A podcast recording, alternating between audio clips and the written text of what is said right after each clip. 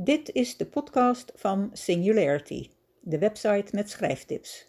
www.singularity.nl Deze podcast heeft als titel Afkijken van de meesters. Stephen King. Nou ja, afkijken.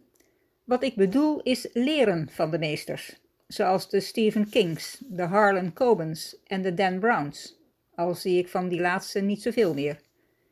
Elke meesterschrijver heeft zo zijn of haar eigen schrijfstijl, waar je de schrijver aan herkent. Maar waar het me hier om gaat, is hoe ze het voor elkaar krijgen hun lezers zodanig te boeien dat ze het boek achter elkaar willen uitlezen. Wat ze ook kenmerkt, is dat ze soms lak hebben aan schrijfregels. Er wordt bijvoorbeeld vaak flink geteld en niet geshowd, waarbij die fout tussen aanhalingstekens het verhaal alleen maar boeiender maakt. Hoe flikken ze dat? Gelukkig hebben veel bestsellerschrijvers een warm hart voor schrijvers in spe en geven ze tips. Hier een paar van Stephen King. Zelfs mensen die hem niet lezen, kennen de naam Stephen King en diverse titels van zijn grote oeuvre, waarvan er veel zijn verfilmd. Wat zijn zijn adviezen? Lezen. Lezen, lezen, lezen. Zoveel mogelijk. Laat de tv de tv en zet je streamingdiensten uit. Haal boeken bij je boekwinkel of de bibliotheek en laat je hoofd vollopen met betoverende verhalen. Dat krikt je eigen schrijfkunde flink op. Schrijf normaal. Sommige beginnende schrijvers proberen hun schrijven op te krikken door dure, pretentieuze, lange woorden en jargon te gebruiken.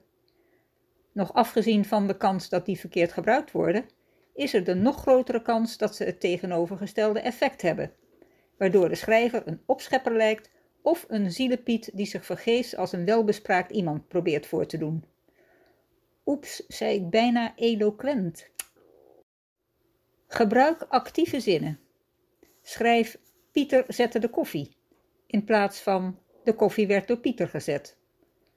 Actieve zinnen komen als sterk en duidelijk over. Passieve zinnen kunnen als onduidelijk en onzeker overkomen. Waarbij niet gezegd is dat je nooit passieve zinnen mag gebruiken, want soms heb je tekst nodig die wat wankel overkomt. En soms is het goed voor de afwisseling. Schrijf zoveel mogelijk. Als Stephen King bezig is met een boek, schrijft hij elke dag en zo lang mogelijk. Als hij dat niet doet, verstarren zijn personages in zijn brein en lossen ze op. Ook plot en ideeën verdwijnen. Dus zit je eenmaal in de flow, probeer die dan vast te houden door zoveel en zo vaak mogelijk te schrijven. Neem rust. Huh? Ik moest toch zo lang mogelijk blijven schrijven? Jawel, maar als het boek af is, moet je rust nemen. Al te lang doorrazen kan averechts werken. Ontspan dus en als je weer meer energie hebt, kun je wat afstand van je boek nemen en het teruglezen om fouten, tegenstrijdigheden, saaie stukken en andere ongewenstheden op te sporen en te corrigeren. Hou vol en wees optimistisch. Je schrijfavontuur zal zeker minder goede momenten hebben en misschien wil je er dan mee stoppen.